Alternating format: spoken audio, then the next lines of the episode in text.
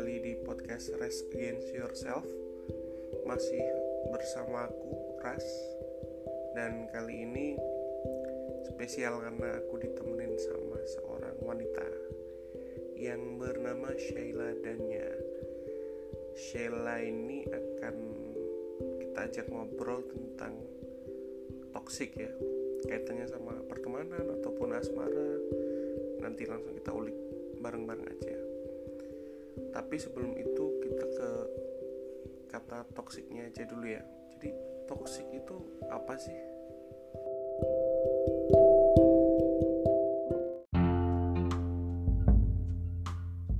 Menurut kamu sendiri kamu tuh mendeskripsikan toksik tuh gimana sih? Oke. Eh, toxic mungkin di relationship atau friendship Oh, ya dalam atau dalam banyak hal tuh kan toksik pokoknya poinnya tuh nggak sehat ya. Iya, Kak. dalam arti pertemanan yang mungkin di belakangnya saling serang ataupun yang nggak kayak teman-teman pada umumnya yang saling support gitu lah. Kamu sendiri deskripsinya gimana gitu? Atau? Ya hampir sama ya eh, sesuatu yang nggak sehat gitu. Jadi kalau misalnya hubungan, misalnya toxic toxic relationship berarti kan hubungan yang eh, saling menyakiti gitu ya. Eh, tidak mendukung satu sama lain atau terkesan terlalu apa kedua belah pihak itu merasa terlalu sangat memiliki, udah terlalu terus sangat lagi. Ini kan ini luar biasa ya rasa memilikinya itu sangat tinggi. gitu. Jadi mungkin kayak eh, apa namanya yang ada hubungan itu malah merusak satu sama lain seperti itu sama juga itu eh, di pertemanan kayak gitu juga menurutku. Yang ada cuma saling menyakiti satu sama lain. Sebelum lanjut nih eh, dipertegas dulu ya yang dimaksud toksik di sini tuh kan kalau aku ambil contoh kalau dalam hubungan pertemanan nih kalau udah teman deket kan biasa panggil apa ya istilah-istilah mungkin bagi beberapa orang kalau masyarakat umum tuh kasar gitu ya. Kayak kalau orang Jawa Timur Nah, eh, kalau di Jawa mungkin eh asu atau gimana? Kadang tuh menjadi abu-abu gitu loh. Orang tuh menganggap bahwa cukup dengan seperti itu sudah masuk area toksik ya. Aha. Maksudnya sama temen manggilnya kasar atau ya ya ya tapi menurut kamu tuh toksik yang sebenarnya tuh lebih ke apa sih? Attitude verbal atau apa gitu Iya. Eh, sebenarnya kalau untuk panggilan-panggilan kayak tadi atau bisa kita bilang toxic itu bagi setiap orang gitu kan itu relatif ada yang kalau seperti yang bilang tadi ada beberapa orang dengan sebutan kayak gitu aja itu udah toxic relationship gitu Oh. loh karena sebutan-sebutan itu juga eh, mengacu pada bullying kadang-kadang kayak apa sih lu ndut Oh. gendut gendut gitu. itu kan sebenarnya ada eh, sedikit mengebulinya gitu. Loh padahal mungkin bagi yang dipanggil endut pun sebenarnya itu nggak masalah gitu. Ya mungkin bagi orang yang melihat atau mendengarnya itu bisa dibilang to- toxic friendship gitu. Tapi yang bagi aku sih eh, mungkin bagi aku yang tadi itu panggilan-panggilan itu biasa ya. Cuma toxic friendship itu kayak eh, aku pernah ngalamin. Jadi kayak dia tuh tipikal teman yang suka mematahkan semangat gitu. Misalnya kayak gini "Eh, aduh aku kayaknya mulai sholat isya deh gitu kan. Terus dia, temennya temanku tuh jawab kayak Allah tadi maghrib aja ketinggalan. Padahal kan dia bisa jawab dengan hal yang lebih eh, positif ya kayak yaudah so- sana udah sana sholat kayak gitu. Nggak perlu dia bahas kesalahanku yang lalu-lalu kayak gitu loh. Jadi kayak uh, aku sih dulu sempat sama teman-temanku ngomongin dia juga ini orang kok demen banget sih matahin semangat kayak gitu. Bisa kita bilang ntar kalau udah kaya beli mobil ini ah gini gini gini alah sekarang aja miskin halah halah selalu dihalah-halahin gitu. Jadi kayak kita mau cerita kadang-kadang kan kita butuh support ya dari teman-teman kita punya mimpi apa punya rencana besar apa gitu. Nah dia tuh suka mematahkan uh, semangat kita kayak gitu loh. Terus ada juga yang apa namanya ya mungkin mengarah ke hal-hal yang berbau negatif kayak mungkin ngajakin pakai eh, narkoba atau minum minuman keras seperti itu. Ya sebenarnya itu hak orang itu pilihan. Aku bukan bilang berarti mereka jelek atau negatif cuma dia mengajak orang yang baik atau uh, bisa jadi menjebak atau menjerumuskan kayak gitu. Itu sih menurutku udah toxic gitu.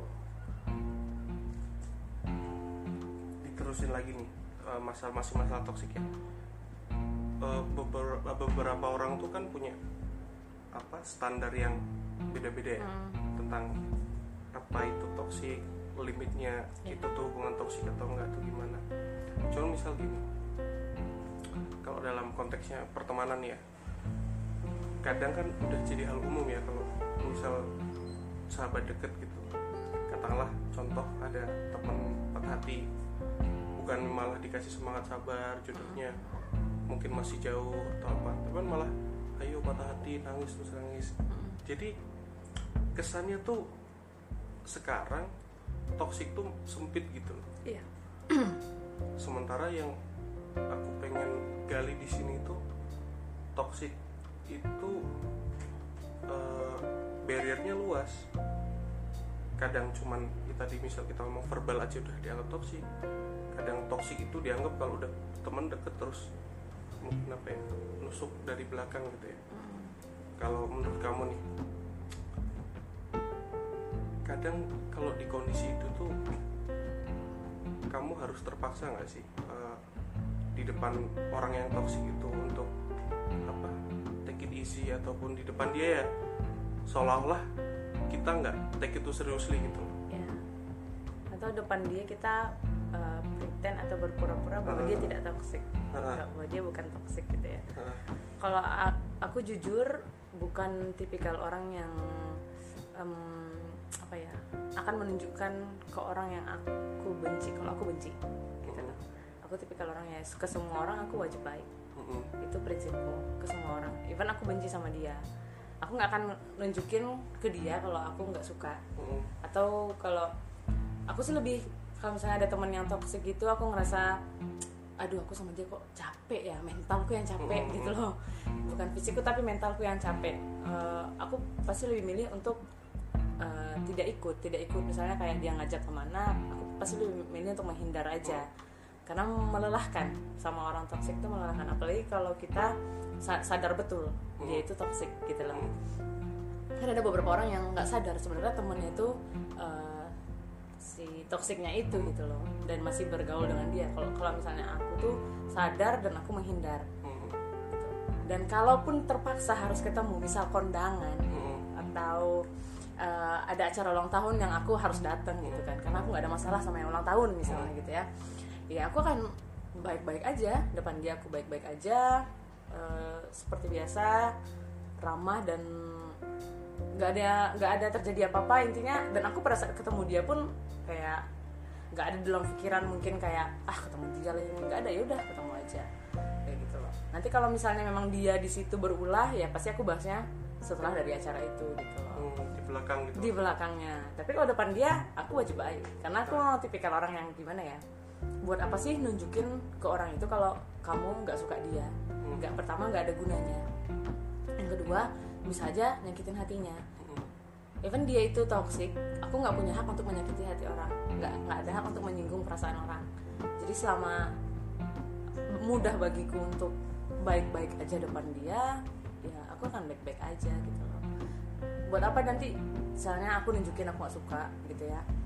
Eh, dia negor mungkin aku nggak balas tegor kayak langsung buang muka gitu misalnya pasti dia juga mikir kan pulangnya dia mikir loh kenapa? Salah apa dia? Gitu kan. Apalagi kalau misalnya secara verbal aku nunjukin kalau misalnya aku tidak suka kamu gitu loh. Aku nggak suka kamu nggak usah deket-deket aku kayak gitu kan. Pasti itu jadi gimana ya dianya sangat-sangat sakit hati kayak gitu loh. Jadi buat apa aku bikin sakit hati orang kayak gitu. Itu sih. Itu makanya aku kayak ya udah mau aku sekesel apa sama orang mau se benci sama apa pun sama orang aku pasti berusaha untuk baik aja depan dia gitu.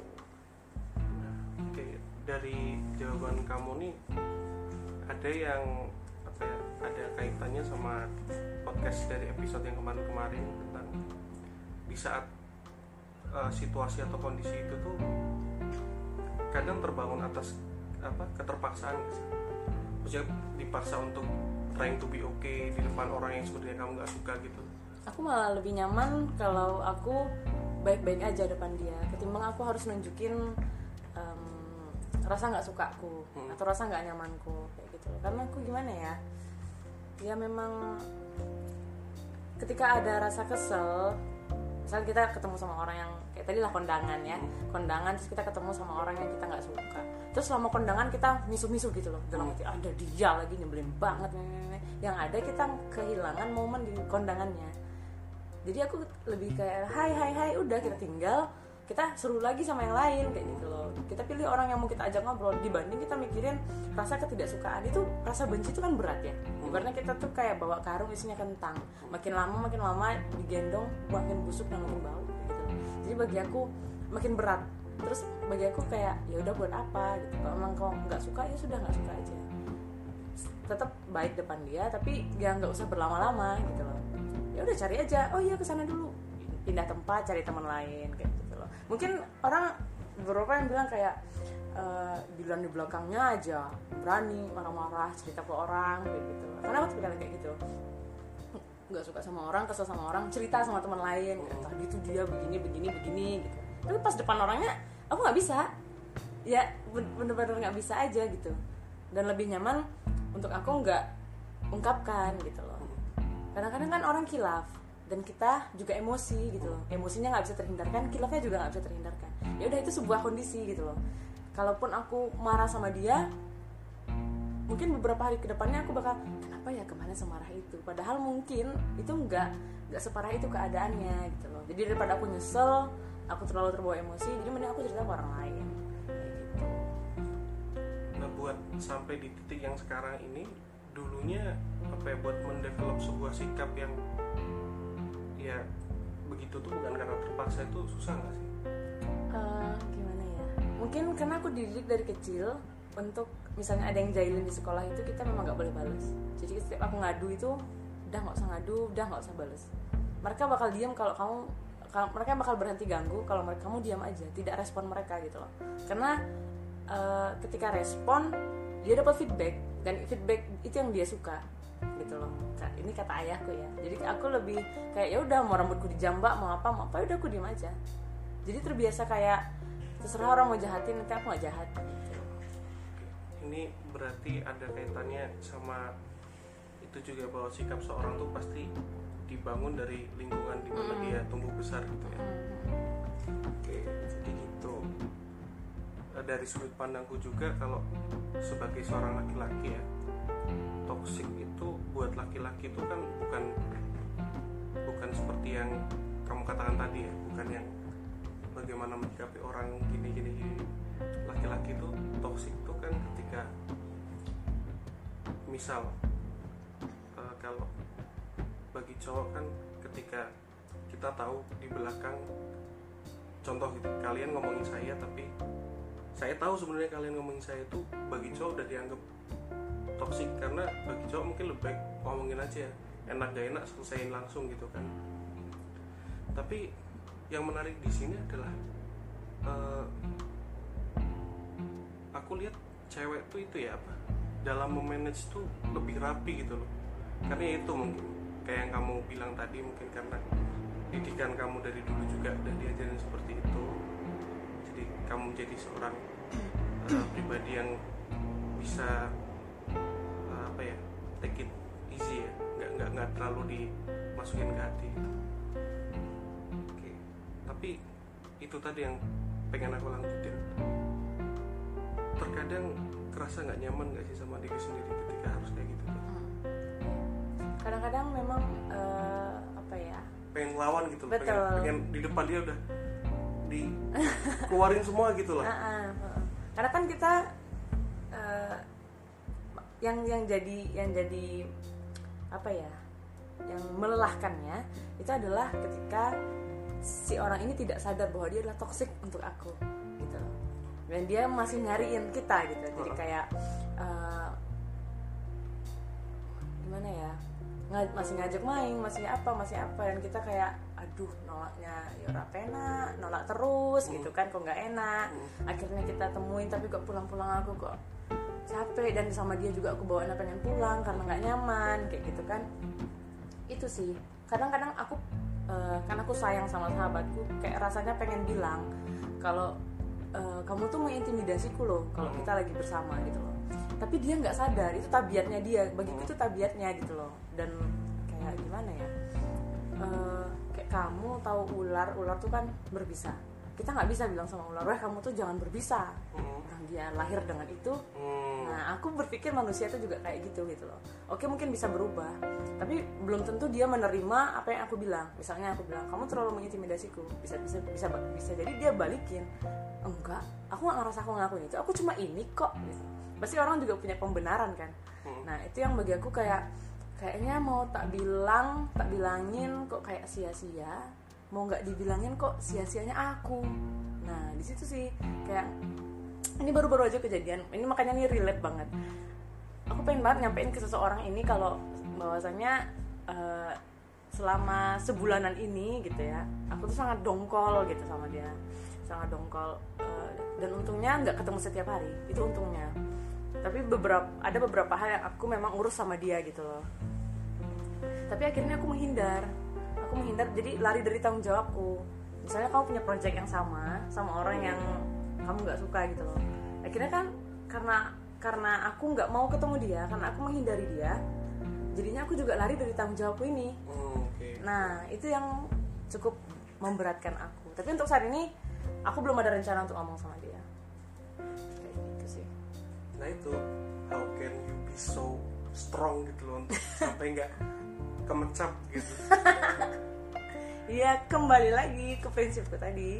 Iya berarti kan kamu udah punya tameng yang istilahnya udah punya tameng yang bagus gitu lah untuk tahu limit tahu barriernya harus sampai mana harus gimana gitu. Tapi kan buat beberapa orang tuh ya itu ya yang tadi aku bilang di roti udah saking capeknya gitu. Kayaknya kan di luapin semua misal kalau orang udah di posisi titik terendahnya gitu ya lagi mungkin lagi capek. Banyak masalah? Ketimpangan tuh pasti explode gitu. Aha. kalau kamu sendiri manage gimana sih kalau lagi under pressure gitu? Atau punya pelarian mungkin dalam hal apa gitu? Biasanya sih kalau aku eh, memang nggak tipikal yang ber ber ber gitu loh. Hmm. nggak langsung nggak langsung apa ya cari orangnya bilang kesalahannya apa dan bla bla bla gitu. Jadi aku juga tarik lagi tarik diri mending sendiri. Aku biasanya sih nangis biasanya nangis. Terus kayak mikir lagi apa yang dia lakukan lalu pasti aku pasti mikir backgroundnya. Misal em, dulu pernah ada berantem sama orang dia bilang aku pelacur gitu ya padahal dia bahkan tidak pernah lihat aku jual diri gitu loh. Kok bisa bisanya bilang aku pelacur? Aku bah aku aja bahkan nggak akan maki pelacur beneran dengan kata-kata pelacur. Itu kan ibaratnya gitu. Aku tarik lagi oh dia aja tamatan SMP background pendidikannya seperti apa makanya dia bisa kayak gitu sama orang lain. Jadi kayak ya udah termaafkan dengan sendirinya aja gitu. dan itu nggak nggak gimana ya nggak aku balas balik ngatain dia balik atau apa pun kayak gitu aku tahu dia ngomongin ngomongin aku ke orang dan lain-lain. Tapi ya udah nangis aja. Lebih lebih ke meluapkannya ke nangis sih. Itu Berarti- heal proses healingku adalah nangis. Berarti nangis adalah the best way ya? Iya, nangis adalah kunci. Iya. Tapi true fact ya teman-teman. Nangis tuh akan membuat kita tuh merasa lebih, Lebih baik, baik, dalam kondisi apa pun. Mm-mm. Sekeren-kerennya cowok tuh pasti di belakang tuh dalam some situation ya some term tuh pasti pernah nangis.